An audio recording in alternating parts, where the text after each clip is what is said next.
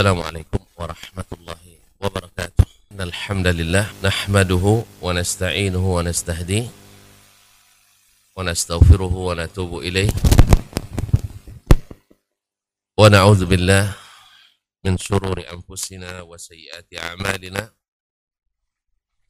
من يهده الله فلا مضل له ومن يضلل فلا هادي له. أشهد أن لا إله إلا الله وحده لا شريك له وأشهد أن محمدا عبده ورسوله. لا نبي ولا رسول بعده.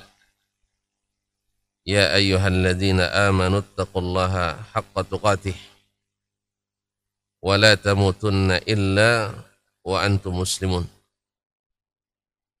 يا أيها الناس اتقوا ربكم الذي خلقكم من نفس واحدة وخلق منها زوجها وبث منهما رجالا كثيرا ونساء. واتقوا الله الذي تساءلون به والأرحام. إن الله كان عليكم رقيبا. يا أيها الذين آمنوا اتقوا الله وقولوا قولا سديدا. يصلح لكم أعمالكم ويغفر لكم ذنوبكم ومن يطع الله ورسوله فقد فاز فوزا عظيما. أما بعد فإن أصدق الحديث كتاب الله وخير الحدي حدي محمد صلى الله عليه وسلم وشر الأمور محدثاتها. وكل محدثة بدعة وكل بدعة ضلالة. ومسلمين المسلمات الحاضرين والحاضرات والمستمعين والمستمعات أو المشاهدين والمشاهدات Bapak dan Ibu-ibu, saudara-saudara dan saudari jemaah salat subuh di Masjid Riyadul Jannah Masjid Taman-Taman Surga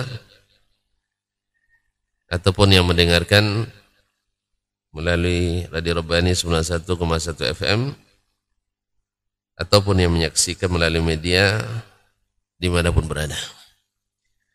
Alhamdulillah pada subuh ini kembali Allah izinkan kita berada di tempat yang suci ini. Tempat yang mudah-mudahan membuat kita dicintai Allah. Karena tempat yang paling dicintai Allah adalah al-masajid. Adalah masjid-masjid. Ahabbul biqa'i ilallahil masajid. Kemudian Allah suka menerima tamu-tamunya sehingga disiapkannya berbagai hidangan yang menyenangkan para tamunya. Semakin cepat datang dan hadirnya, semakin banyak bingkisan yang diberikannya.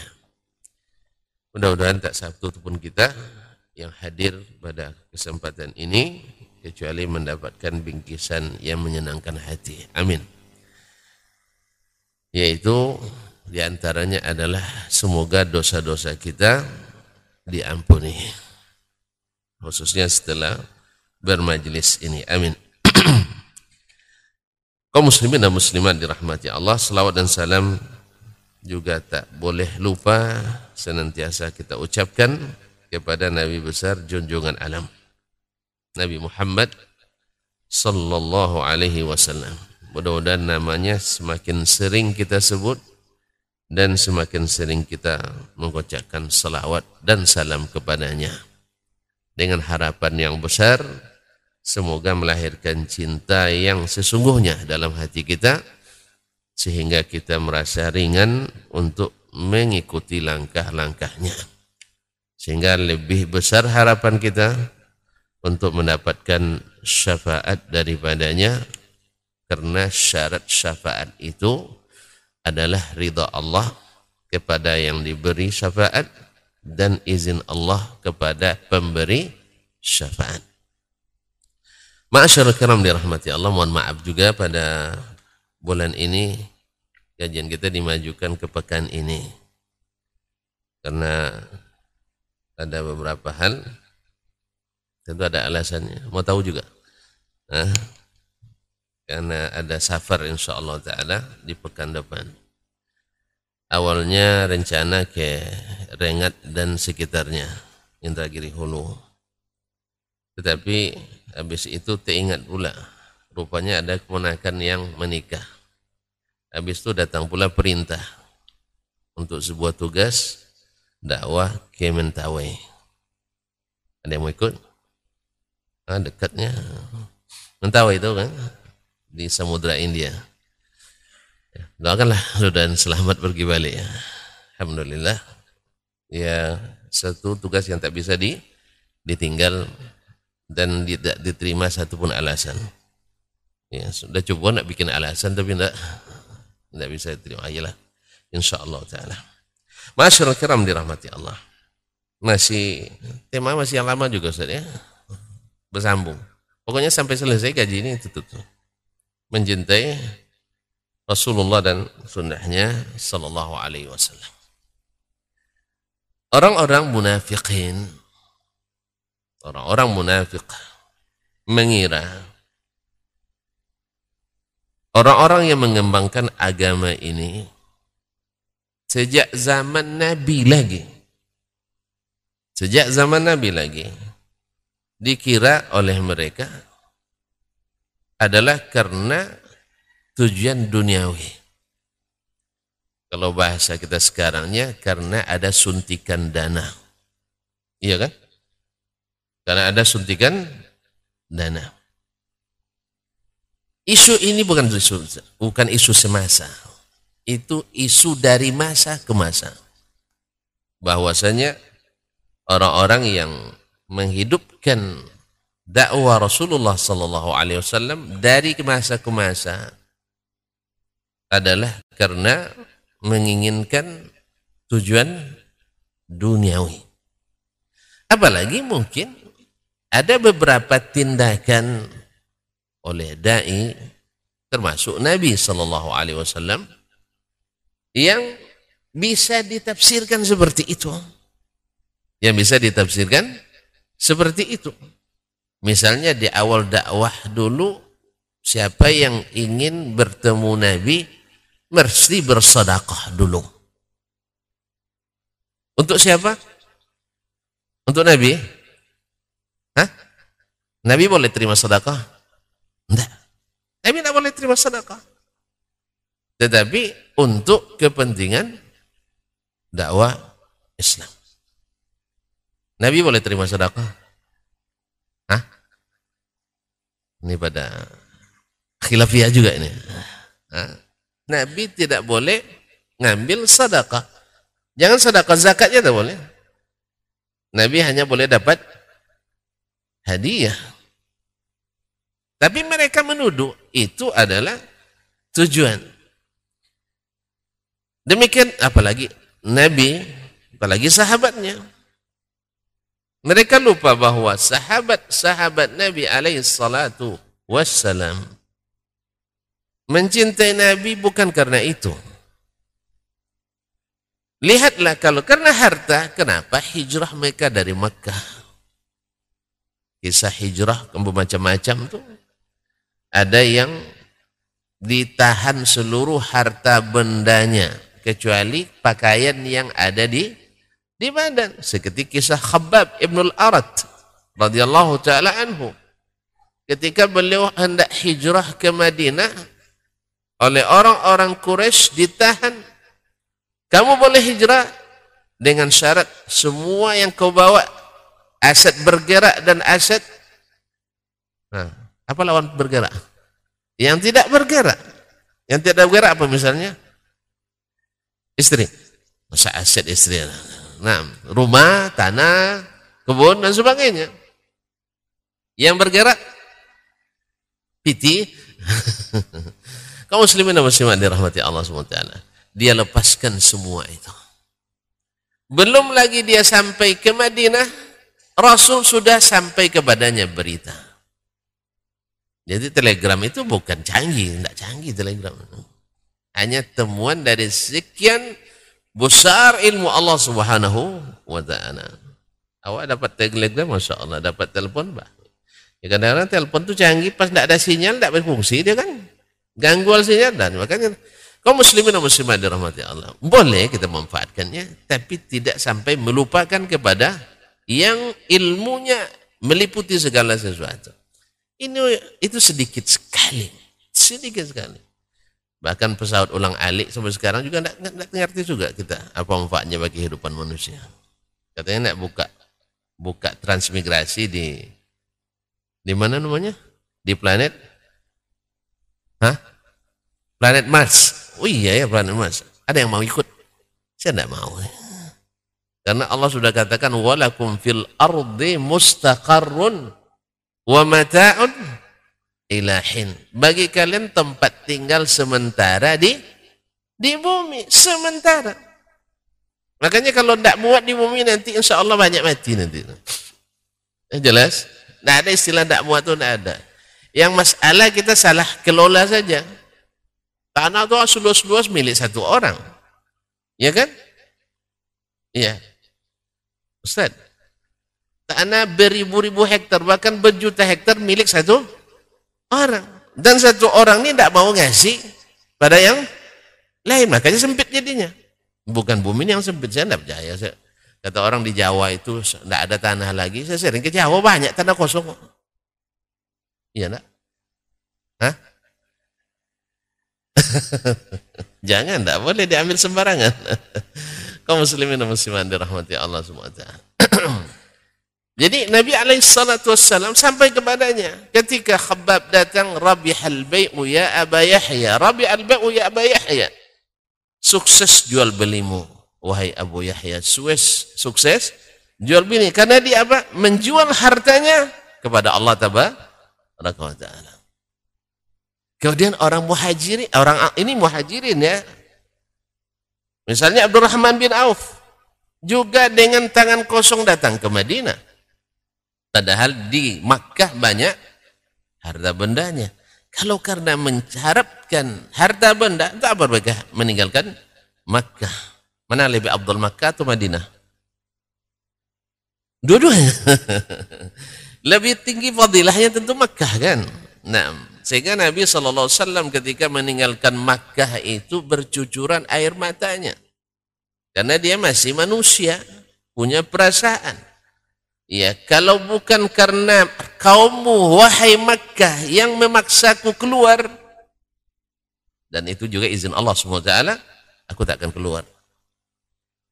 Makanya Nabi sampai di Madinah berdoa dia, Ya Allah, Allahumma habib ilainal madinata kama habbabta Makkah ilaina Makkah. Atau kama qala sallallahu alaihi wasallam, ya Allah, tolong cintai tolong tolong apa namanya? Tolong buatkan kami mencintai Madinah seperti engkau membuat kami mencintai Makkah. Berarti Nabi habis cintanya pada Makkah? Tidak. Ma'asyarul kiram dirahmati Allah. Kalaulah karena dunia Nabi alaihissalatu wassalam, kan tawarannya jelas di masa dia Mekah. Apa tawarannya? Muhammad, kalau kau nak jadi raja, kami siap untuk mengangkatmu, menabalkanmu sebagai yang dipertuan. Nah, apa istilahnya? Yang dipertuan agung, raja di raja. Ya. Pokoknya kepala-kepala suku semuanya tunduk kepadamu. Tinggal kamu tunjuk kami laksanakan. Cuma jangan suruh tauhid pada Allah jangan. ya, yang selain itu aja. Jadi kiranya untuk kepentingan duniawi semuanya. Ya, kan masalahnya jangan suruh kami bertauhid. Jangan suruh kami bertauhid, bertauhid. Makanya jangan dibahas masalah akidah itu kacau umat. Jangan suruh kami memurnikan tauhid, nanti masalah berbenturan dengan berbagai aliran. Itu yang tidak diinginkan oleh orang Quraisy waktu itu. Kalau kau nak jadi raja, kami angkat. Tapi jangan bahas-bahas masalah Jangan bahas-bahas masalah akidah. Karena masalah akidah ini rentan, sensitif. Masa orang sudah berkeyakinan, sudah ratusan tahun sejak dulu berkeyakinan seperti ini, tiba-tiba kamu, kamu, kamu salah-salahkan. Mau mereka terima? Tidak. Makanya Nabi Alaihissalam ditawarin, jangan-jangan nanti mau meninggalkan, meninggalkan dakwah tauhid ini dengan tawaran yang sangat menggiurkan, yaitu jadi yang di pertuan aku diraja diraja cukup itu tawaran? Tidak. Kamu nak jadi orang paling kaya di Arab kami kumpulkan harta kekayaan kami kami berikan kepadamu. Tapi tolong jangan jangan bahas masalah akidah kan pembahasan di Makkah kan akidah kan dakwah Nabi di Makkah apa akidah kan Ya. Nah, jangan bahas masalah akidah. Sebab masalah akidah ini ngungkit-ngungkit masalah masa masa lalu. Ya, merubah-rubah keyakinan yang sudah mapan. Dan tradisi nenek moyang yang sudah diwariskan. Kearifan lokal yang harus dihidupkan. Maka ditawarin lagi Nabi Shallallahu Alaihi Wasallam untuk menjadi orang paling kaya. Tawaran selanjutnya, kalau kau masalahnya ingin dapat istri yang paling cantik, aman teman. Kita buat Arabic Idol atau Miss Miss Miss Universe. Nanti pemenangnya untuk istrimu. Atau kau ambil kontestan semuanya ambillah. yang paling cantik di Arab ini kami siapkan untukmu. Lihat Nabi alaihissalatu wassalam menerima apa tidak? Menerima? Tidak. Kenyata bahwasanya dakwah ini bukan karena mencari dana seperti tuduhan orang Musa, orang munah, munafikin. Walaupun dana tidak bisa tidak harus ada penopang dakwah. Jelas? Sama kita. Kita di dunia ini bukan untuk cari makan, tapi untuk cari pahala untuk beribadah. Tapi bisa tidak makan? Paham tidak? kita di dunia oleh Allah, wa ma khalaqtul jinna wal insa illa liya'budun. Aku tidak ciptakan jin dan manusia kecuali hanya untuk beribadah. Taib. Tapi kok makan juga? Berarti antum cari cari makan di sini. Bukan artinya pergi salat gara-gara cari makan. Puasa gara-gara cari makan. Inilah logika pendeknya kaum musyrikin, kaum munafikin, kaum kafirin. Padahal mereka sendiri juga melakukan hal yang sah, yang sama. Cuman bedanya di sini. Kaum musyrikin, munafikin, kafirin makan kama ta'kulul an'am kata Allah SWT. Ya'kuluna kama ta'kulul an'am. Makan seperti titik-titik. Nah, oleh semuanya seperti makannya binatang ternak. Karena itu tujuannya. Kalau orang-orang beriman tidak makannya untuk menguatkan beribadah, beribadah. Bukan tujuannya. Jadi bedanya itu di sini. Sehingga ketika kaum munafikin melihat para nabi dan para sahabatnya selalu melakukan penggalangan dana. Nabi pernah penggalangan dana? Tidak pernah. Subhanallah. Nggak, berarti ini tidak boleh nih penggalangan dana ini. Karena bid'ah ini. Nabi tidak pernah penggalangan dana. Hah? Bukan pernah lagi, sering, selalu gitu. Hah? Sering bukan bukan apa selalu. Antum bilang tidak ya Allah adik. Nah.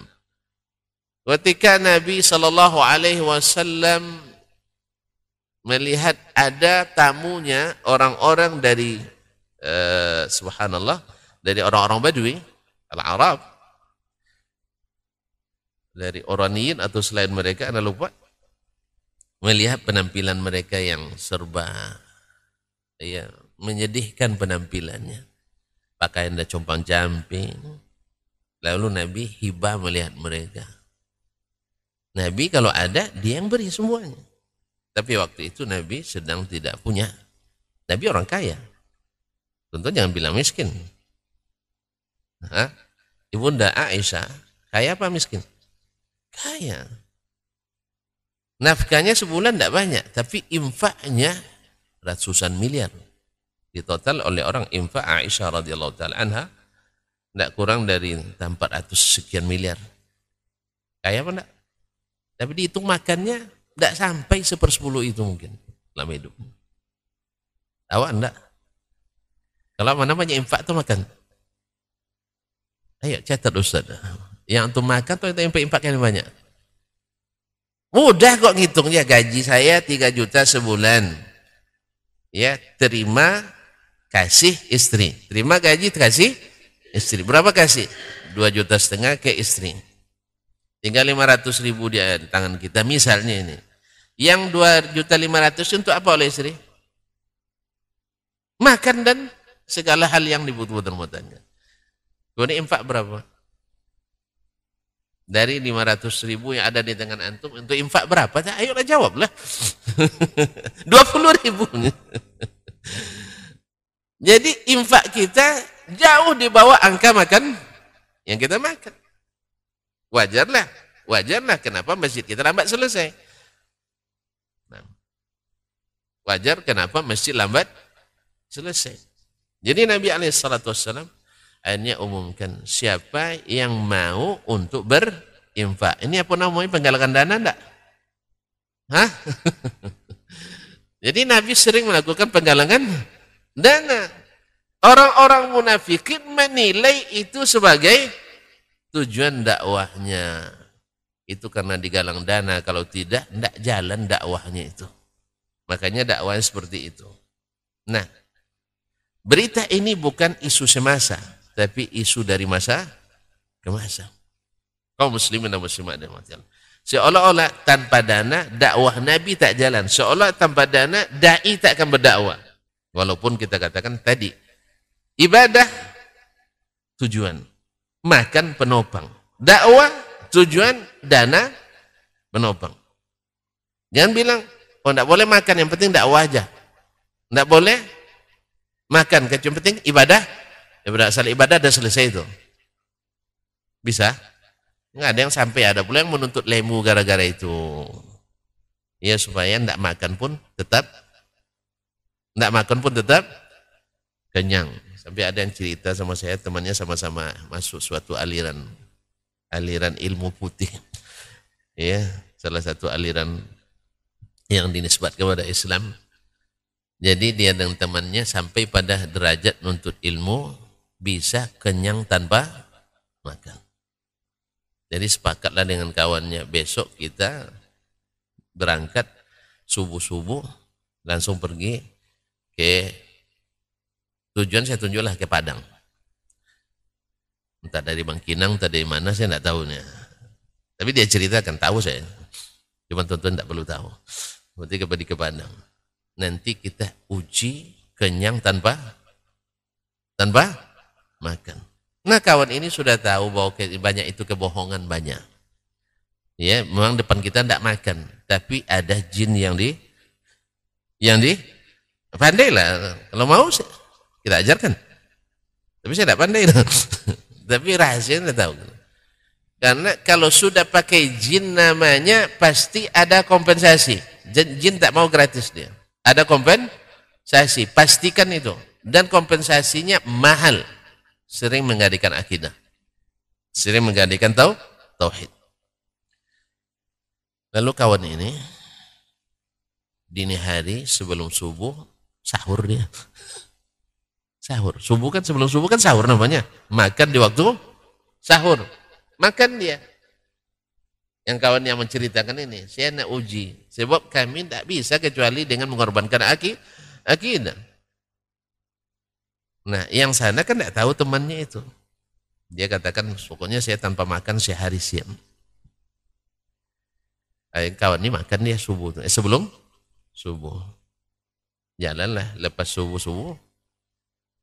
Pas jam 7, kawan tadi minta sarapan. Eh, kok sarapan? Tapi kan bisa tanpa tanpa makan. Kalau saya kan mangkus ilmu saya, tidak perlu sarapan. Padahal dia, ya dia tidak sarapan karena sudah sahur. dia sudah sahur tidak sarapan. Jalan terus, kawan nih berhenti jam 9 minta berhenti lagi. Tidak usah. Masa gitu aja nyerah kamu? Akhirnya jam 11 tidak tahan lagi dia. Berarti ilmu kamu belum mangkus. Tapi karena ya saya saya masih sampai sekarang sampai jam 3 masih oke. Okay. Bahkan sampai maghrib saya bisa tidak makan. Cuman karena mempertimbangkan kamu, ayo kita makan. Jadi itulah dustanya Kak Sama itu si angkatan saya. Sama-sama kami menuntut lemu itu. Cuman alhamdulillah Allah tunjukkan kepada saya hidayah ini bahwa tak satu pun amaliyah yang dilakukan untuk yang seperti itu kecuali ada pengorbanan luar biasa dalam masalah akidah. Dia sudah sampai pada bisa menghadirkan arwah itu udah sampai belum? Hah? Ah, Allah alam. belum sampai. Dia bisa menghadirkan arwah. Nah, siapa antum bilang? Menghadirkan arwah itu. Dihadirkan. Dia uji. Nenek. Neneknya dari, atau datuknya nenek dari Jambi kan. Datuk dari ayahnya. Lalu dihadirkan orang yang pernah berjumpa dengannya. Persis, persis. Bisa bercakap, bisa bercakap. Nyambung ceritanya. Karena cerita-cerita kampung, kenapa tidak nyambung? Beda nanti kalau antum minta hadirkan arwahnya Imam Al-Bukhari, tidak nyambung ceritanya. Jin tak mungkin menguasai ilmu ilmu ilmu hadis seperti Imam Al-Bukhari. Syekh Al-Albani pernah menguji yang seperti ini. Diujinya, seorang yang mengaku bisa menghadirkan arwah Datang Syekh Albani ke orang ini, Syekh, saya minta tolong. Apa? Menghadirkan arwah. Siap. Dia bilang siap. Arwah siapa yang ingin kamu hadirkan? Kata Syekh Albani, saya ingin hadirkan arwah Imam Al-Bukhari. Dan dia berpikir, setannya tak mampu akan meniru Imam. Kamu mau apa dengan Imam Bukhari? Dia bilang, saya nak nanyakan banyak, ada beberapa masalah hadis yang tidak bisa saya pecahkan. Saya nak tanya langsung ke Imam. Imam Al-Bukhari. uh, akhirnya dia bilang, untuk menghadirkan arwah hari ini dah habis waktunya. habis waktunya. Tunggu pekan. Enggak, Senin depan kamu datang lagi. Dikiranya Syekh tak akan datang. Ternyata Syekh datang hari Senin dia lari. Dukunnya lah lari. Saya pernah menghadiri ceramah di suatu tempat. Ceramah dia bisa menghadirkan jin katanya. Sebentar dihadirkan. Oh, dia dia tiba-tiba tidak hadir jinnya. Enggak tahu, saya sudah mulai baca ayat kursi ayat. saya baca muawizat. Entah karena itu jinnya tidak bisa datang, akhirnya dia beralasan. Sekarang haji tidak bisa dihadirkan karena lagi sibuk katanya. Jinnya lagi sibuk. Macam dusta Ustaz kaum muslimin muslimat. Saya tidak ingin sebenarnya menyaksikan jin itu. Ya, tapi kita baca jangan sampai masuk lagi kita baca ayat kursi kan. Nah, ternyata jin tidak mau kalau ada ayat. Jadi dia beralasan sekarang tidak bisa dihadirkan karena jinnya pada pada sibuk. Karena sudah bergaya tuh tidak menghadirkan jin. Ada lagi yang bilang ya saking saktinya bisa Sholat tak jejak kakinya. Tidak apa-apa, saya tak ingin menyaksikan sebenarnya. Tolong dia sholat di depan saya tak jejak kakinya. Saya nak tengok Pak. Ini kan cerita banyak cerita palsu, itu masalahnya. Sampai cerita bermimpi bertemu Nabi pun banyak yang palsu. Bukan hadisnya betul. Siapa yang bermimpi bertemu saya seperti bertemu saya. Betul itu hadisnya. Walaupun penafsiran ulama dalam masalah ini banyak, ada yang mengatakan ini khusus di zaman Nabi. Siapa yang bermimpi bertemu Nabi, nanti akan bertemu Nabi di waktu beliau hidup. Di waktu beliau hidup. Ada pula yang mengatakan siapa yang bertemu Nabi, betul-betul Nabi. Kalau dia pas sifatnya, Karena jin tak, atau syaitan tak bisa menyerupai Nabi. Tapi dalam mimpi, bukan terjaga. Adapun tambahan tersambil terjaga, itu tidak diketahui di kalangan ulama hadis atau mungkar. Seperti kata Imam Al-Qurtubi. Tak ada tafsiran yang seperti itu yang mengatakan bisa bertemu Nabi di waktu terbangun kecuali tafsiran kaum sufi saja. Dan itu kata Imam Al-Qurtubi tafsirun mungkar. Tafsir yang di, diingkari dan tidak benar. Sebab para sahabat lebih cinta ke Nabi SAW dari siapa pun. Buktinya mereka siap berkorban apa pun untuk mencintai Nabi. Awak untuk meninggalkan hobi saja tidak bisa, tiba-tiba bisa tiap hari bertemu Nabi sambil bangun. Hobinya nyanyi, tidak bisa tinggalkan nyanyi. Tapi bisa bertemu Nabi setiap hari. Na'udzubillah. Masa untuk hal-hal seperti itu, untuk cium lutut aja Nabi bangun. Padahal banyak masalah pelik dalam negara dulu di masa Umar, di masa Abu Bakar, di masa Utsman, masa Ali. Sampai sahabatnya tiga orang syahid. Hisabi. Lillah dibunuh orang. Utsman, Abu Bakar, eh, afwan, Umar syahid, Uthman syahid, Ali syahid. Kenapa Nabi tidak bangun untuk ha? Li, kamu akan dicari oleh Abdurrahman bin Muljim. Nah, Ali bin Abi Thalib di masa hidup Nabi disaksikan langsung oleh Allah dan Rasulnya. La'utiyanna rayata gadan rajulan yuhibbullaha wa rasulah wa yuhibbuhu Allah wa rasuluh besok akan aku berikan bendera ini pada seorang laki-laki yang mencintai Allah dan Rasulnya dicintai oleh Allah dan Rasulnya. Pada ingin mendapat balik yang lama lagi. Ini kan cinta pertama. Kaum muslimin dan muslimat dirahmati Allah subhanahu wa ta'ala. Sampai mana tadi Syekh? Baka bater yang atau hafal untung tidak sabotase yang tu hafalkan kaum muslimin Ali bin Abi Thalib radhiyallahu anhu mencintai Allah dan dicintai oleh Allah dan Rasul. Tapi selama Nabi, selama dia hidup setelah Nabi wafat, tidak pernah pula dia bertemu Nabi sambil terja, terjaga. Jelas ya? Kita baru hanya mengklaim cinta Nabi, tiba-tiba tiap hari bertemu Nabi. Makanya saya mengatakan ini dongeng pengantar pengantar tidur. Semua orang bisa ngaku kok. Karena detektor mimpi belum ditemukan sampai sekarang. Set alat penentu atau alat pengukur benar tidaknya mimpi. Sudah ada belum? Belum ada sampai sekarang. Kalau saya mau ngaku, saya lebih patut ngaku sebenarnya. Sebab 15 tahun bertetangga dengan dengan Nabi sallallahu alaihi wasallam. Saya belajar hadis Sunan An-Nasa'i sampai tamat persis di samping kuburan Nabi sallallahu alaihi wasallam di Raudhah Asy-Syarifah bersama Syekh Hadis Madinah Syekh Abdul Muhsin Al-Abbad hafizahullah. Jadi Syekh guru saya, anaknya guru saya besar saya juga, Syekh Abdul Razak Al-Badr. Di situ kami duduk empat atau lima hari dalam sepekan. Kan mudah saya klaim kan? Sambil duduk belajar sunan nasai. Qala nabi sallallahu alaihi wasallam tiba-tiba nabi hadir datang dari kuburannya hadir di depan saya. Tuan-tuan pasti percaya. Habis itu untuk angkat saya jadi wali keramat. Semua tuan-tuan tak punya bukti untuk menolaknya. Kan tak punya bukti. Apalagi selama ini Masya Allah saya orang baik. Orang baik. Suka senyum suka ngusap kepala antum. Yang kecil-kecil ya. Besar jangan besar tak boleh pegang kepalanya kan diusap kaum muslimin dan muslimat gampang sekali untuk membuat kisah-kisah itu. Mudah kok. Masa orang sekali pergi haji tiba-tiba bisa ketemu Nabi awak tiap hari di situ tak ketemu Nabi SAW untung saya tidak punya perasaan itu. Kalau sempat Masya Allah banyak saya punya pengikut. Iya. Nanti saya di dicium-cium saya ke mana pergi nanti. Nah Allah musta'an. Kaum muslimin dan muslimat dirahmati Allah. Ali yang sudah Abu Bakar, Umar, Uthman, Ali menghadapi masalah-masalah berat semasa hidupnya. Mereka yang lebih paham tentang sabda Nabi alaihissalatu wassalam tidak pernah satu riwayat pun mengklaim bahawa Abu Bakar Masya Allah bertemu berapat dengan Nabi sallallahu alaihi wasallam.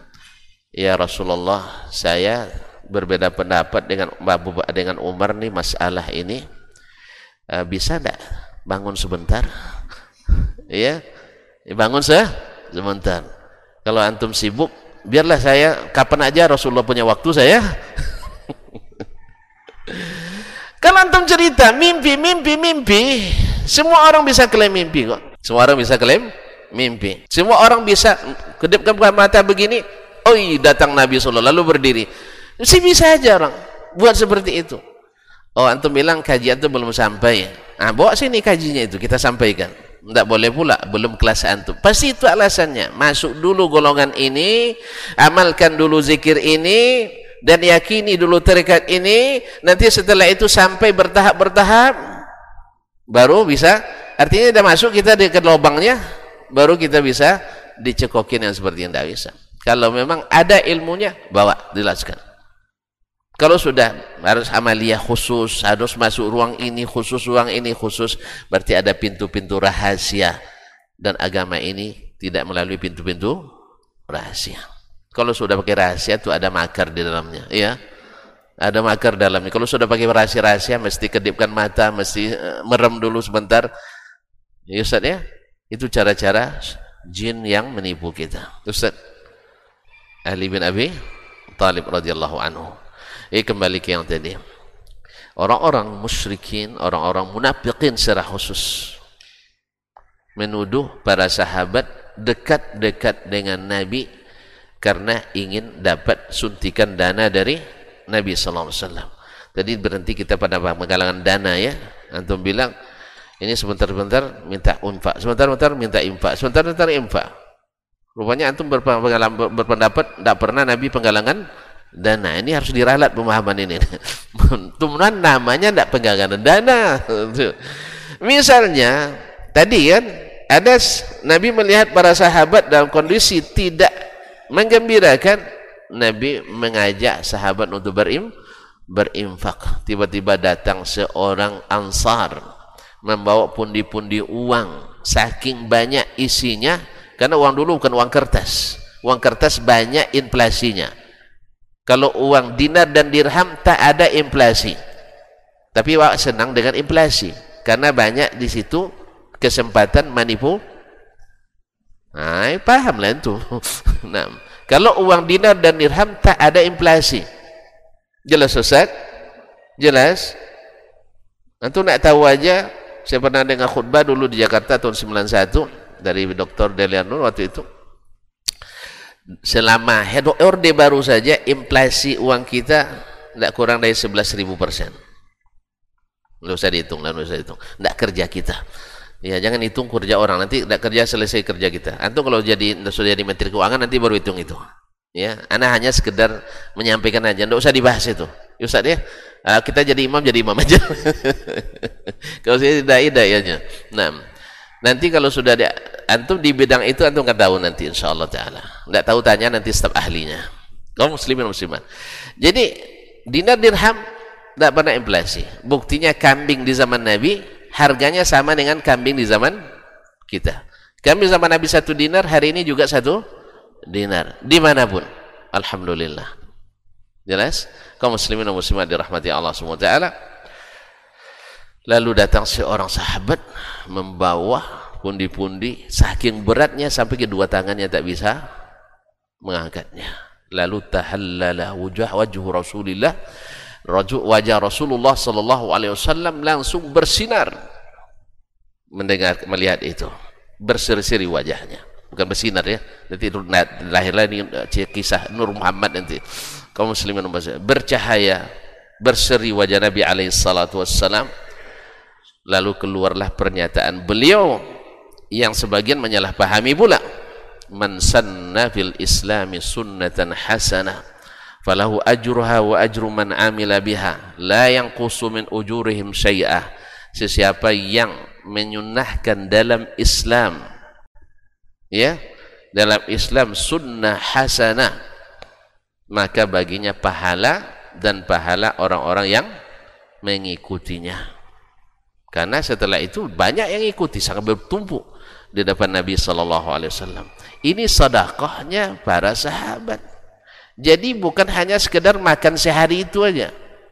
Kita kan orang miskin kan dapat makan sehari, sekali makan dah hebat kita itu.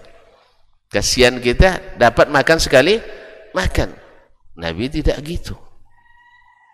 Nabi bukan hanya untuk sekali makan. Kan ceritanya tadi pakaiannya sudah Bisa belikan pakaian untuk beberapa helai. Kemudian makanan dan perbekalan. Mungkin juga jadi modal dagang. Makanya orang kaya hari ini yang hebat itu bukan hanya kasih makan satu bungkus nasi bungkus. Itu tidak ada masalah, teruskan. Apa yang lebih hebat datang ke rumah orang miskin itu, antum keahliannya apa? Dia bilang saya biasa jualan cendol pak, cuman gerobak saya disita oleh satpol pp. Misalnya, kita tahu kan, kapan disita tiga hari yang lalu? Antum punya koneksi ke kasetnya, telepon aja. Nih Pak Kaset, mohon maaf ini, ini tetangga saya ditangkap ininya, boleh nggak minta tolong? Masa nolong begitu tidak bisa? Tolong bebaskan cendolnya. Nah, tapi ingatkan besok jangan jualan lagi di kaki editro trotoar. Oh pak, saya tidak punya tempat masalahnya, harus nyewa mahal. Berapa sewanya? 500 ribu sebulan, saya yang tanggung 500 ribu. Tapi kamu jangan langgar aturan. Aturan Pemkot atau Pem Pemda. Selesai. Masa bagi antum penghasilan yang 30 juta sebulan 500 ribu berat? ya tak? istri hanya istri hanya satu gitu istri hanya satu ini cara infak yang efektif itu. Jadi bukan hanya sekedar makan-makan makan bagus. Itu tetap. Ya tetap. Tapi mencarikan sumber makannya sehingga lebih lebih tepat guna. Kaum muslimin dan muslimat dirahmati Allah semua. Bertumpu itu di depan Nabi SAW diserahkan pada mereka. Jadi besok tampilannya tidak seperti itu lagi. Ini tidak kasih makan sekarang besok tampilannya lebih gawat lagi deh itu. Nah satu hari atau satu masa dan jadi sumber air nggak ada di Madinah. Yang punya satu-satunya orang Yahudi.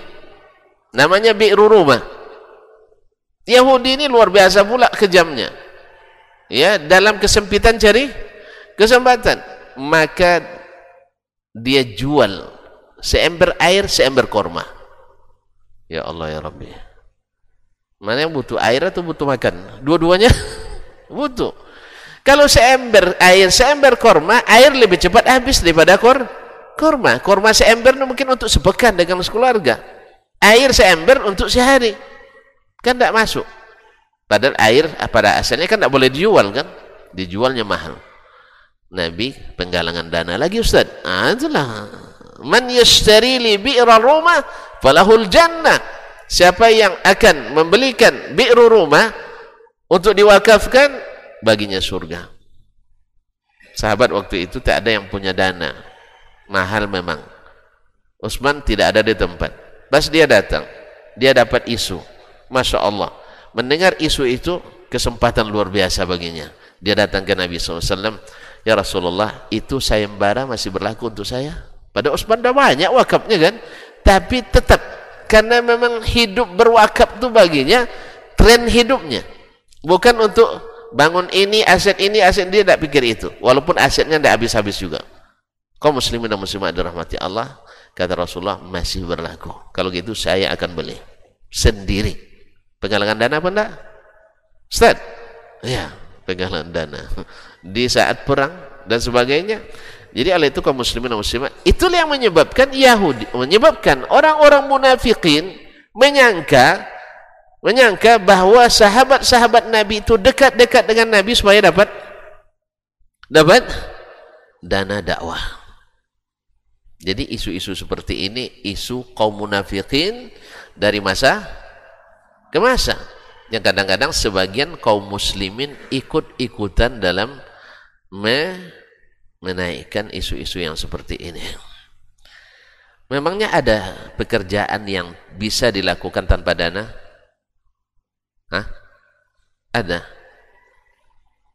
kalau ada tidak usah pakai dana masjid ini bangun selesai tidak usah penggalangan dana pergi jihad selesai tanpa penggalangan dana Bagian makan anak yatim pakai selesai. Nah, kalau gini mantap nih. Hanya pakai tiupan aja kan, ya kan? Gerak tangan gini, nah, selesai.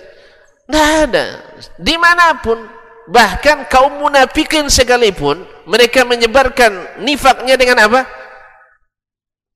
Ustaz, orang-orang munafik menyebarkan misinya pakai apa? Pakai dana. Dapat suntikan juga? Dapat juga. Ramatni bida'ah hewan salat. Antum melempar kotoran lalu pergi. Itu bahasa pepatah Arab itu. Melempar kotoran lalu pergi. Padahal kotoran dari mana datangnya? Dari dia. Tapi orang yang tertuduh. Kalau kita lempar tangan, bukan lempar batu saya. bukan lempar tangan sembunyi batu. Lempar batu sembunyi tangan. Nuduh padahal juga ikut. Nuduh padahal juga ikut. Ma'asyarul kiram dirahmati Allah SWT. Kita ngajar, ada gaji tak? Ada? Padahal ngajar itu dakwah enggak? Enggak juga, berarti atau ngambil juga. Betul kan? Mohon maaf, ini cerita kasar malu juga saya bilang nih. Antum pergi ceramah, nerima amplop enggak? Terima juga. Dana juga enggak? Dana juga. Lalu di mana salahnya? Nabi SAW juga ngambil dana masyarakat dan dialokasikan pada kebutuhan dakwah betul saya sama Nabi SAW di zaman di zaman Nabi-Nabi sebelumnya dulu perang rampasan perang tidak dihalalkan Allah. Apa yang dilakukan oleh para Nabi dulu? Ini syariat zaman dulu. Terjadi perang antara orang muslim dengan non muslim jihad. Nah, rampasan perang itu dikumpulkan. Lalu setelah dikumpulkan Allah kirim api dari langit. Atau kalau yang tidak mengaku Allah dari langit berarti dari mana-mana. Allah kirim api dari dari mana-mana. Tapi kata Nabi minas sama. Ya, Allah kirim api minas sama dari atas. Bagi yang tidak yakin Allah di atas bilang aja dari mana? Mana-mana ya kalau api di mana itu bakar kita jadinya makanya Allah turunkan api dari atas karena memang dia maha ting maha tinggi al-ali al-azim. Nah tapi antum tidak ngaku bilang aja Allah kirim api dari mana-mana. Masuk? Masuk tidak tidak masuk masuklah. Kaum muslimin dan muslimat dirahmati. Karena Nabi bilang dari atas. Lalu terbakarlah wanimah tadi, rampasan perang tadi. Bila ada yang mencuri dari yang ikut berjihad, walaupun hanya seutas tali, api tak membakar atau api tak datang. Saat itu Nabi, nabinya, Nabi umat sebelum kita, lalu meng, apa namanya, memeriksa pasukan. Pertama ditanya, siapa di antara kalian mencuri? Tak ada yang ngaku. Kalau tak ada yang ngaku, terpaksa pakai alat detektor. Apa alat detektornya? Mukjizat. Siapa yang menipu, tangannya nempel tak bisa dibuka dari Nabi. Jadi tangan Nabi itu ada ada ada chipnya. Ya, berarti lebih canggih sebenarnya ya. Jadi salam semuanya. Disalami semuanya nanti bunyi detektornya siapa yang tangannya lengket berarti dia pelah pelaku nah kan datang kecuali tak akan dibakar kecuali setelah dikembalikan. Soal hukumannya itu masing-masing syariat ada ketentuannya. Nah di zaman Nabi kita sallallahu alaihi wasallam ghanimah itu dihalalkan. Sehingga dalam perang Uhud terjadilah kasus di mana sahabat tergoda oleh ghanimah sebagian.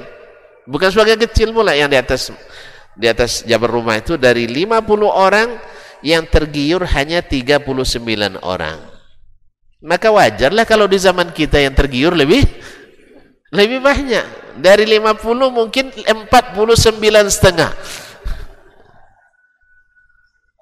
Iya di zaman Nabi yang seperti itu dari 50 39 Sampai Allah sebutkan minkum mayuridu dunya wa minkum mayuridul akhirah.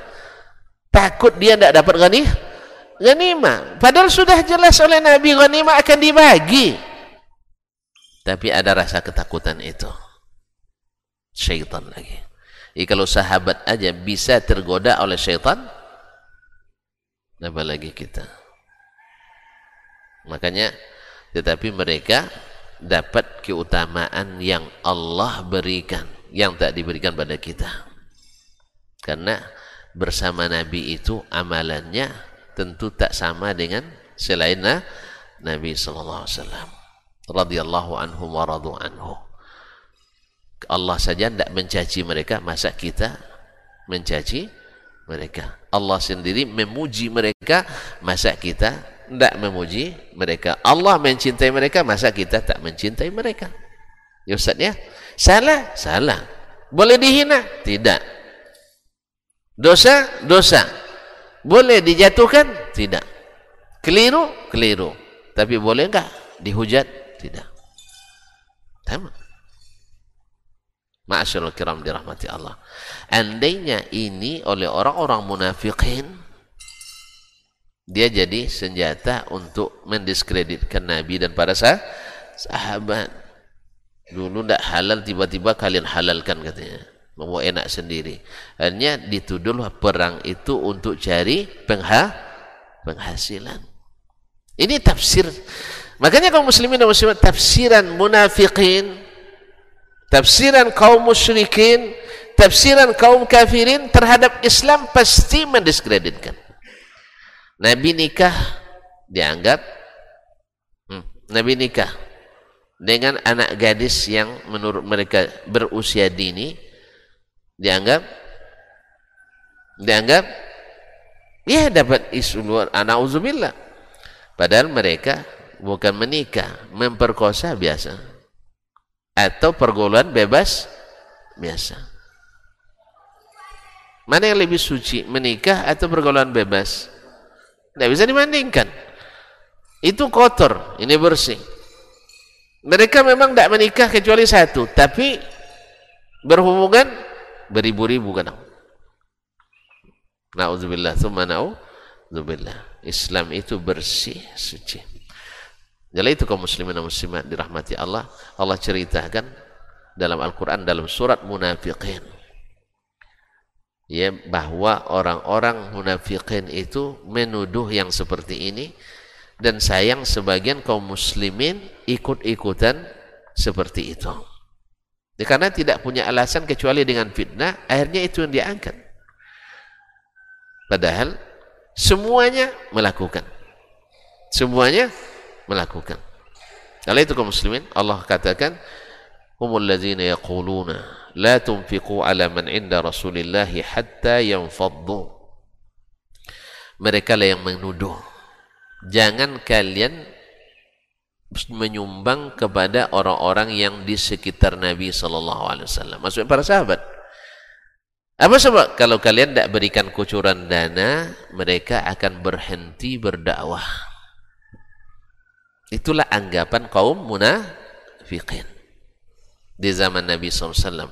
Jangan beri nafkah, jangan berikan suntikan dana, jangan beri sumbangan kepada orang-orang yang bersama Rasulullah Sallallahu Alaihi Wasallam. Nanti hatta yang faddu mereka nanti akan tercerai-berai meninggalkan Nabi Sallallahu Alaihi Wasallam. Perkiraan mereka bahwa dakwah itu hanya jalan dengan suntingan suntikan dana. Perkiraan. Dan tidak sedikit kaum muslimin yang mengaku atau mengaku sebagai orang yang hebat dalam Islam juga memakai isu kaum munafikin tersebut bahwa dakwah tak akan jalan kecuali dengan dana. Atau dengan kata lain, kalau tidak ada dana, dia tak akan berdakwah. Subhanallah.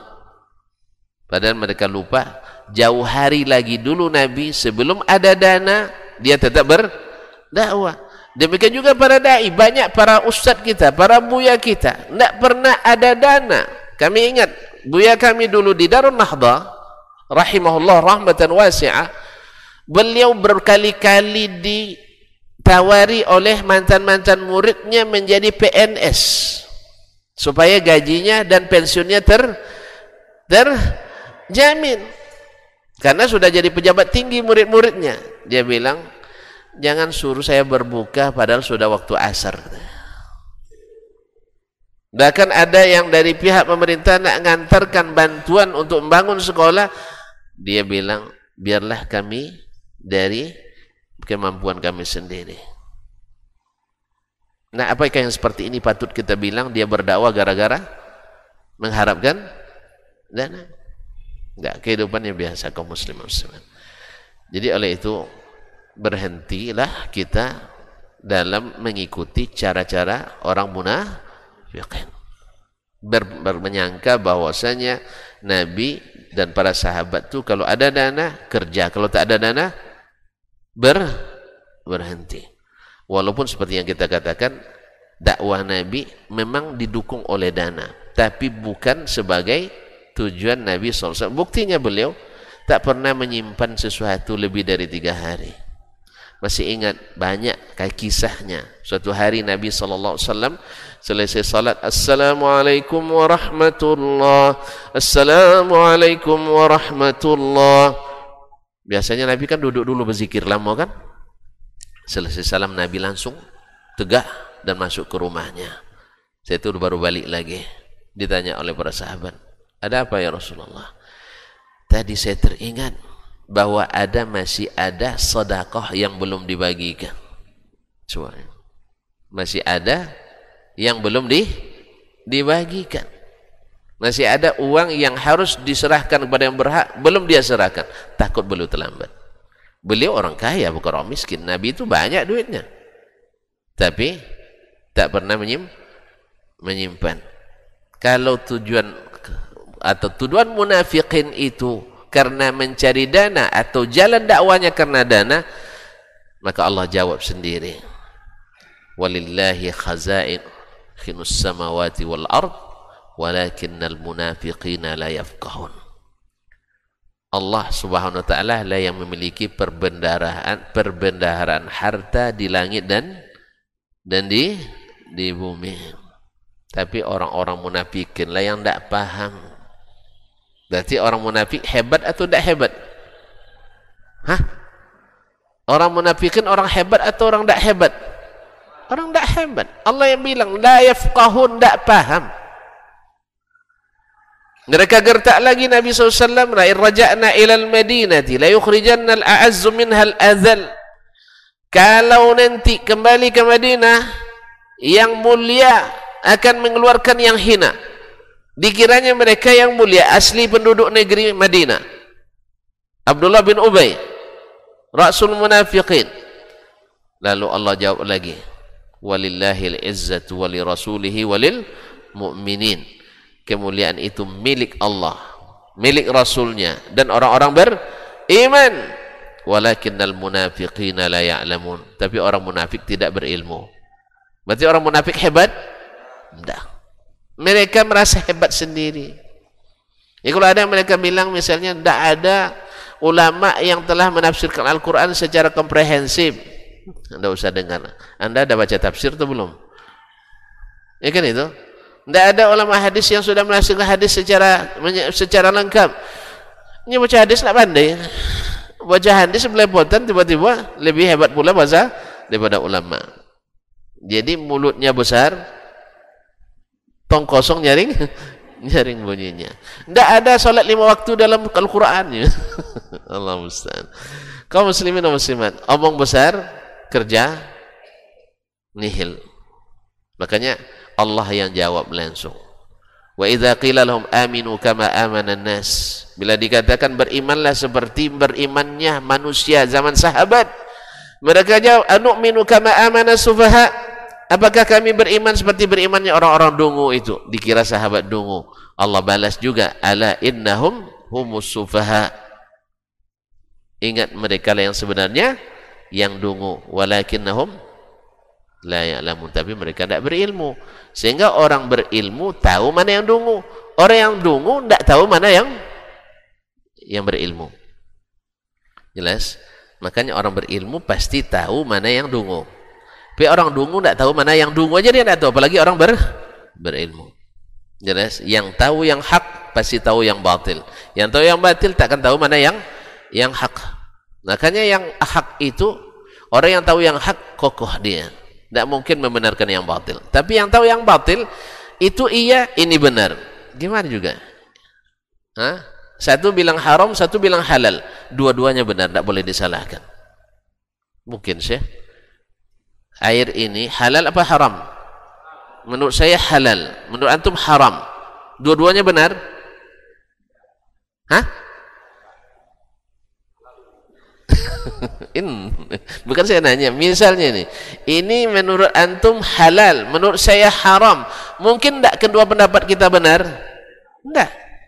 Berarti kalau gitu boleh nggak kalau antum tahu mana yang benar mengatakan saya salah? Boleh enggak? Boleh saya marah? Tergantung antum buka pula pintu saya untuk marah ya. Nah. Antum eh, subhanallah ya menurut antum ini halal karena air madu. Lalu menurut saya haram karena saya mengira ini air khamar. A'adzanillahu iyyakum. Jelas?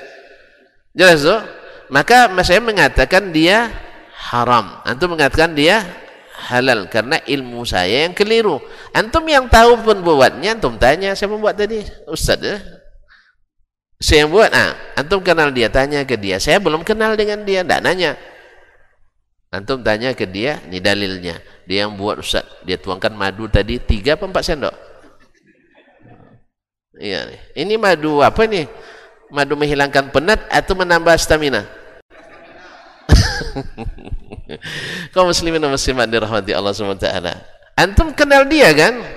Berarti punya bukti. Saya hanya me mengira karena melihat warna. Maka saya bilang haram, antum bilang halal.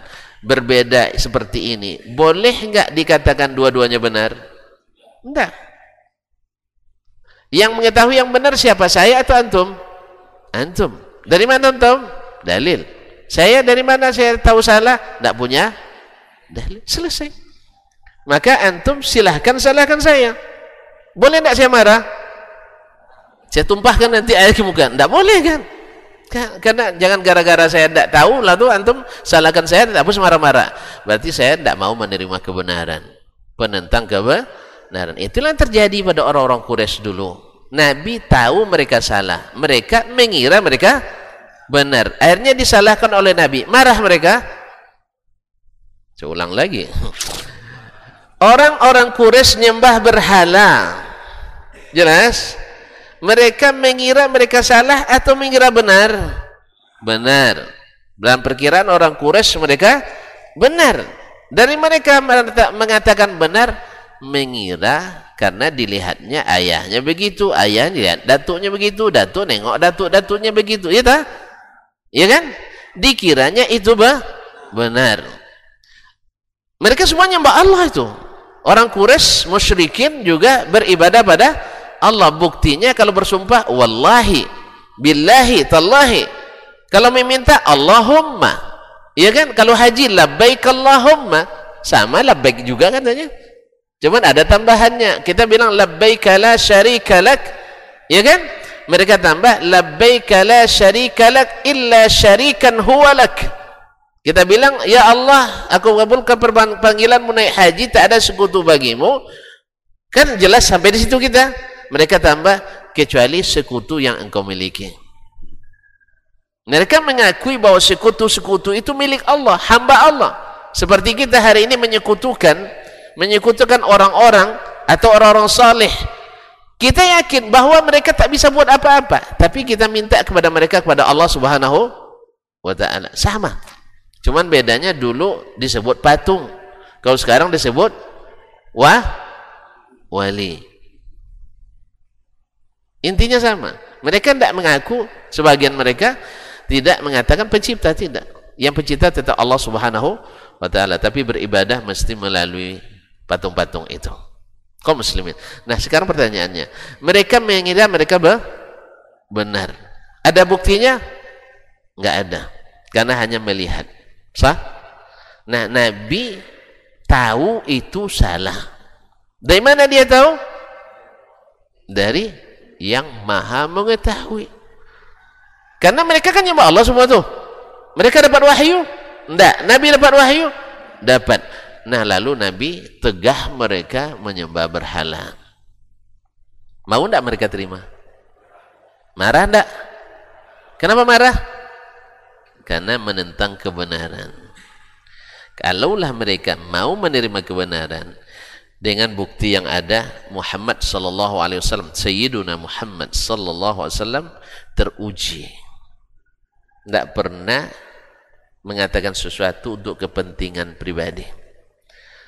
Dalam menggali saja cari untung tidak pernah menipu. Masa ada masalah agama dia menipu kemudian dibacakan kepada mereka ayat-ayat Allah. Mereka yang tahu sastra tinggi Arab mengatakan itu bukan perkataan manusia. Paham mereka. Paham mereka. Abu Jahal paham itu bukan perkataan Muhammad. Jelas? Abu Lahab paham itu bukan perkataan Muhammad wasallam. Tapi karena cintanya pada kebatilan ini dan karena masih merasa itu masih benar masa disalahkan oleh Muhammad sallallahu alaihi wasallam. Apa sebab? Tidak mungkinlah buya-buya kita dulu salah. Nenek moyang kita salah. Mereka ramai. Masa orang ramai sah salah? Ini satu orang aja. Kan keadaan gitu orang ramai tidak mungkin sah salah. Orang satu orang mungkin kan itu keadaan orang orang orang orang musyrikin waktu itu.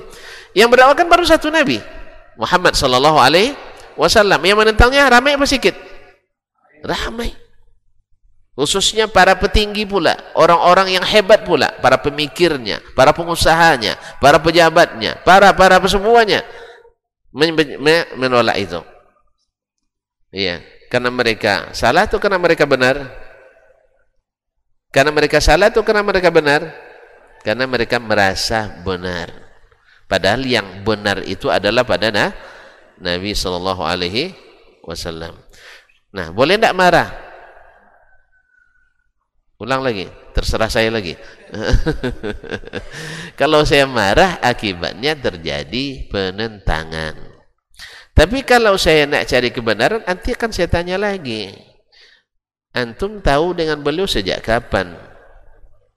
Oh baru sejak pengajian ini aja Ustaz. Dah pernah enggak ke rumahnya? Belum. Dah ada uji enggak? Ngasih duit sama dia? Belum. Misalnya ini. Ya. Dan seterus-seterusnya. Tentu jawaban ini akan saya cari lagi bukti lain untuk menguatkan. Oh ternyata ada Ustaz Adnan kenal lebih duluan kenal, tahu kejujuran sebagainya. Tambah lagi Pak Imam terus juga merekomendasi. Untuk boleh saya ragu lagi? Boleh saya ragu lagi? Boleh saya marah lagi? Enggak. Karena saya nak mencari kebenaran, saya telusuri. Kalau perlu saya datang langsung ke rumahnya. Mana botol madunya? Mana botol madunya? Gitu. Eh, ditengok kan. Ini Ustaz kan garis tadi begini nih. Ya. Ini sudah ambil empat sendok nih, berkurang saya segini. Nah, sedetil itu Nabi memberi bukti. Sedetil antum memberi bukti, masa saya marah juga?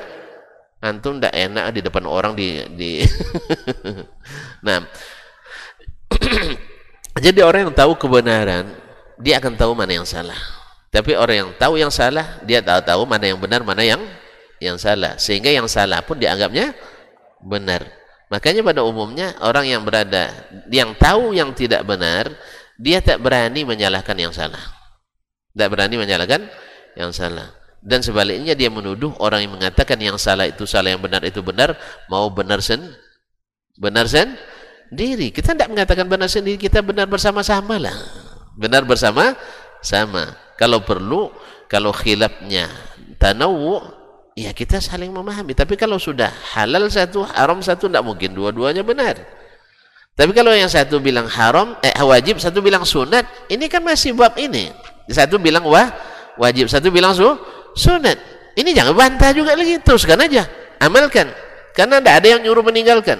Yang satu bilang haram satu bilang makruh jangan bantah juga tinggalkan karena memang yang namanya larangan di ditinggalkan. Ini enggak. Satu bilang haram satu bilang ha, halal. Satu bilang sunnah satu bilang bid bid'ah. Bertentangan enggak. Kecuali bid'ah hasanah misalnya. Bagi yang mengatakan bid'ah hasanah ya apa boleh buat? Ya tapi kalau sebagian mengatakan bid'ah itu semuanya walaupun hasanah tetap nah itu tetap ini pantang kita disebut tersesat dosa karena sudah coba di lapangan sering saya temukan di musim haji ya dia ada tersesat tapi bilang sesat marah dia. Bagusnya udah tidak usah bilang tersesat. Bapak di kloter berapa? Nah gitu aja bilang. Kloter 59 misalnya BTH oh orang Riau ya? Iya saya juga orang Riau pak.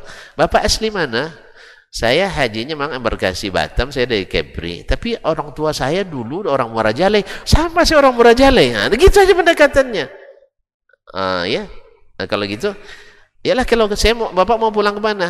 Ke maktab nomor sekian. Nah gitu saya sama juga maktab saya berdampingan. Cuman jalan ini agak jauh nih pak.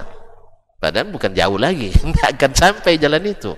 Jalan ini jah, jauh pak. Nanti bapak muter lagi ke balik gunung itu, nanti sampai ke Mekah baru balik lagi sini. Nah kalau gitu saya kita ambil jalan ini pak ya. Gitu mau dia. Tapi kalau tuh bilang pak, bapak udah kesesat nih pak, ini. Belalak mah kita dia sih. Tiap hari saya lewat sini katanya. Kan tiap hari lewat sini. Jelas ya? Jadi makanya memang ada seninya juga kaum muslimin dan muslimat yang dirahmati. Apalagi kalau yang orang yang lebih tua dari kita, orang yang juga juga punya kehormatan, ketokohan di masyarakatnya. Oleh itu kaum muslimin dan muslimat, makanya dakwah ini memang termasuk ada seni di dalamnya. Tapi tidak maksud seni itu mengelabu yang benar lalu dianggap salah, yang salah dianggap bukan. Tapi harus ya tadilah. Kalau ibarat olahraga ada pemanasannya Ustaz ya. Iya kalau jangan langsung nyemis keras nanti sakit pangkalangan kita. Dah ada enam tahun tak main, tiba-tiba diangkat passing langsung langsung semis. Lama tak main takraw langsung salto pula. Patah lutut nanti. Atau patah kuduk kita. Jangan begitu ya. Ustaz, uang lama tak ngaji, tiba-tiba beri dosis dosis tinggi ya kaum muslimin kemudian mungkin kita sudah menyampaikan sesuatu seperti ini tetapi orang belum bisa meninggalkan kebiasaan lamanya sabar aja. Karena tujuan seperti kata Nabi SAW bukan memaksa tapi menyam, menyampaikan. Diterima itu yang kita inginkan. Kalau tidak Alhamdulillah masih bisa didengarkan. Kalau tidak juga Alhamdulillah bumi Allah lu, luas. Makanya da'i harus lebih hebat sabarnya daripada mad'u. Nabi dicaci maki, beliau tak balas. Nabi diprovokasi, beliau tak balas. Nabi difitnah dan dituduh, Nabi tak balas. Bahkan Nabi mau dibunuh, Nabi berdoa kebaikan untuk orang yang akan membunuhnya. Walhamdulillah. Itulah yang seharusnya kita miliki dan karena waktu yang membatasi. Sebenarnya belum selesai juga. Ada beberapa hal yang ingin ini besok aja lah ya. Iya besok aja lah pada ngantuk-ngantuk pak. Hah? Insya Allah Taala. Kesimpulannya bahwasanya Nabi alaihissalatu wassalam dalam berdakwahnya memang tidak luput daripada tuduhan-tuduhan tetapi tuduhan itu tak akan membuat sahabatnya mundur dari barisan demikian pula kita yang mencintai Nabi dan para sahabatnya walaupun banyak fitnah dan tuduhan seperti yang tadi bahwasanya mereka dekat dengan Nabi karena ingin dapat dapat biaya hidup. Dan itu memang tuduhan dari masa ke masa bukan tuduhan semasa tapi dari masa ke masa. Selalu dah itu kena fitnah. Tetapi hanya Allah yang maha tahu dan insya Allah Allah membuktikan dengan perjalanan waktu dengan izin Allah tabaraka wa ta'ala. Dan yang ketiga bahwasanya yang namanya dana dalam dakwah itu mesti. Sebagaimana kita tujuan hidup ini beribadah tapi tidak mungkin kita mencari beribadah tanpa mencari peng, penghidupan. Maka Allah jadikanlah penghidupan itu sendiri sebagai cara atau salah satu dari cabang ibadah kita. Cabang ibadah ibadah kita. Sebagaimana Allah jadikan juga gaji kita mengajarkan kebaikan sesuatu yang terbaik. Khairu ma tu'jaruna alaihi al-Quran kata Nabi SAW upah yang paling bagus kalian terima adalah yang datang karena mengajarkan al Al-Quranul Karim makanya kalau bisa pengurus yang guru TPA di sini gaji seperti Umar menggaji mereka. Ingat tidak gaji guru TPA di masa Umar? Hah, pada lupa semua. Itu sengaja nggak tahu tahu gitu. Takut dengar angkanya. Hanya satu dinar Ustaz. Eh apa? Sepuluh dinar. Kan dikit. Kalau kita masya Allah juta kan. Ini sepuluh cuma. Sepuluh dinar. Ya kalau sempat nanti di sini gaji sepuluh dinar. Kasih tahu saya. Saya nak resign dari UIN nanti. ya, 10 dinar bu. Hanya 2 juta setengah kali 10. 25 juta. Tidak ada yang protes nah. Tidak ada yang protes. Insya Allah jemaah sini, guru sini kalau dikasih gitu tidak akan protes juga. Insya Allah saya jamin tak akan ada demo lagi Ustaz. Hanya jangan bilang 25 juta, mahal itu. Banyak yang protes nanti. Bilang berapa gaji antum? 10 dinar. Anda bisa dulu dicoba-coba dulu dua dinar aja dulu. Gaji kami dikit Pak, hanya dua dinar. Kalau kami kalau mengajar di SMK, SMA atau jadi dosen, masya Allah tiga juta. Nah, misalnya tiga juta ke atas. Nah, maka jadi orang tidak kenapa apa. Ya, tapi sejahtera nampak situ. Memang di sana murah belanja. Karena hitungnya dinar.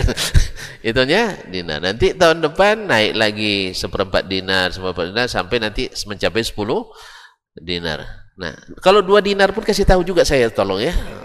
Dua dinar pun tolong kasih tahu juga.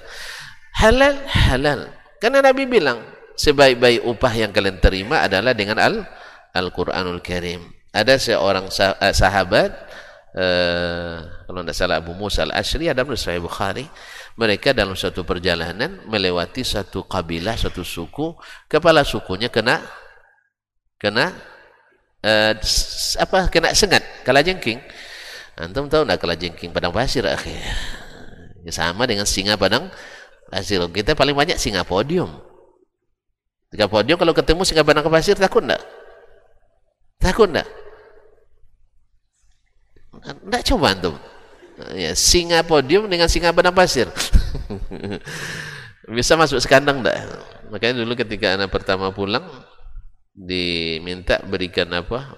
Uh, kajian depan para dai salah satu organisasi dakwah di Pekanbaru ini saya bilang wah saya agak gugup juga ini padahal baru turun gunung kan berhadapan dengan para singa podium. Kan para ustadz uh, orator semua itu para masya Allah. Ya akhirnya cuman saya jadi ingat. Tuan-tuan singa podium saya singa padang pasir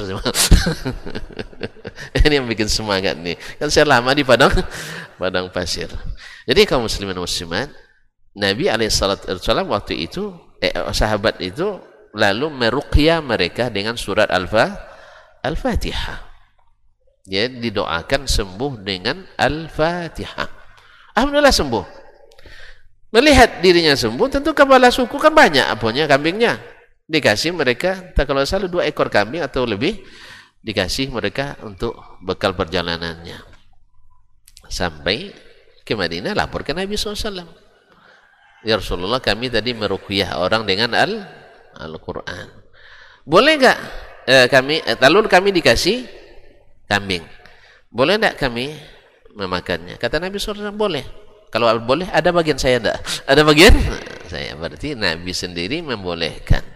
Oleh sebab itu, maka aneh juga kalau ada sebagian saudara kita yang tidak membolehkan ruqyah syar, syariah. Dan tidak bolehkan mendapatkan upah daripada daripadanya. Nabi sendiri bolehkan. Masa kita tidak bolehkan. Cuman memang ada hadis sahih 70 ribu orang yang masuk surga tanpa hisab, tanpa azab. Ciri khas mereka di antaranya tidak minta diruqyah, bukan tidak meruqyah. Harus bedakan, tidak minta diruqyah, bukan tidak meruqyah. Bedakan ya? Karena Nabi sendiri meruqyah dia. Bismillahi arqiq. Dengan nama Allah saya meruqyahmu. Itu sabit hadis dari Nabi alaihi salatu wasallam. Masa antum tidak bolehkan orang me meruqyah? Atau mungkin ada sebagian salah terima juga mungkin sehingga mengatakan ruqyah tidak ada yang syariah katanya. Mungkin salah paham. Wallahu taala alam barangkali sampai di sini. Jelas ya? Jadi jangan fitnah lagi nanti tidak. Jangan fit fitnah lagi. Sama kalau antum difitnah nanti antum beribadah untuk cari makan, antum keliru besar. Orang tidak mungkin ibadah tanpa makan. Maka cari makan itu masuk bagian dari ibadah. Ibadah. Demikian juga dakwah tidak mungkin tanpa dana. Tapi yang penting niat antum jangan cari makan. Niat antum jangan cari dah, dana. Tapi dana untuk berdakwah. Makan untuk beribadah. Sehingga menurut Jauzi mengatakan, siapa yang makannya sedikit, menghalanginya untuk fokus beribadah dan bekerja, maka baginya mesti makan banyak. Jelas? Kok pada nengok? Awak makan sedikit suruh banyaknya. Ya. Paham tak? Siapa yang bila mengurangi makannya, kurang ibadah dan kerjanya, maka dia mesti kembali ke porsi banyaknya. Sebab apa? Beliau bikin alasan, bukan bikin-bikin sendiri dari Nabi SAW. Yang dilarang Nabi itu bukan makan banyak, tapi yang dilarangnya makan berle berlebihan. Kulu washrabu, makanlah, minumlah, walbasu, pakailah, wala tusrifu. Atau min ghairi makhilati sarafin wala makhilah. Tanpa berlebihan dan tidak pula berbangga-bangga. Jelas? Nah, jadi yang dilarang apa? Sombong dan berlebihan. Makan banyak dilarang? Enggak makanya nanti saya ini sengaja saya tunjukkan soalnya nanti kalau saya makan batambu enggak malu lagi depan antum ini masa Ustaz banyak makannya katanya.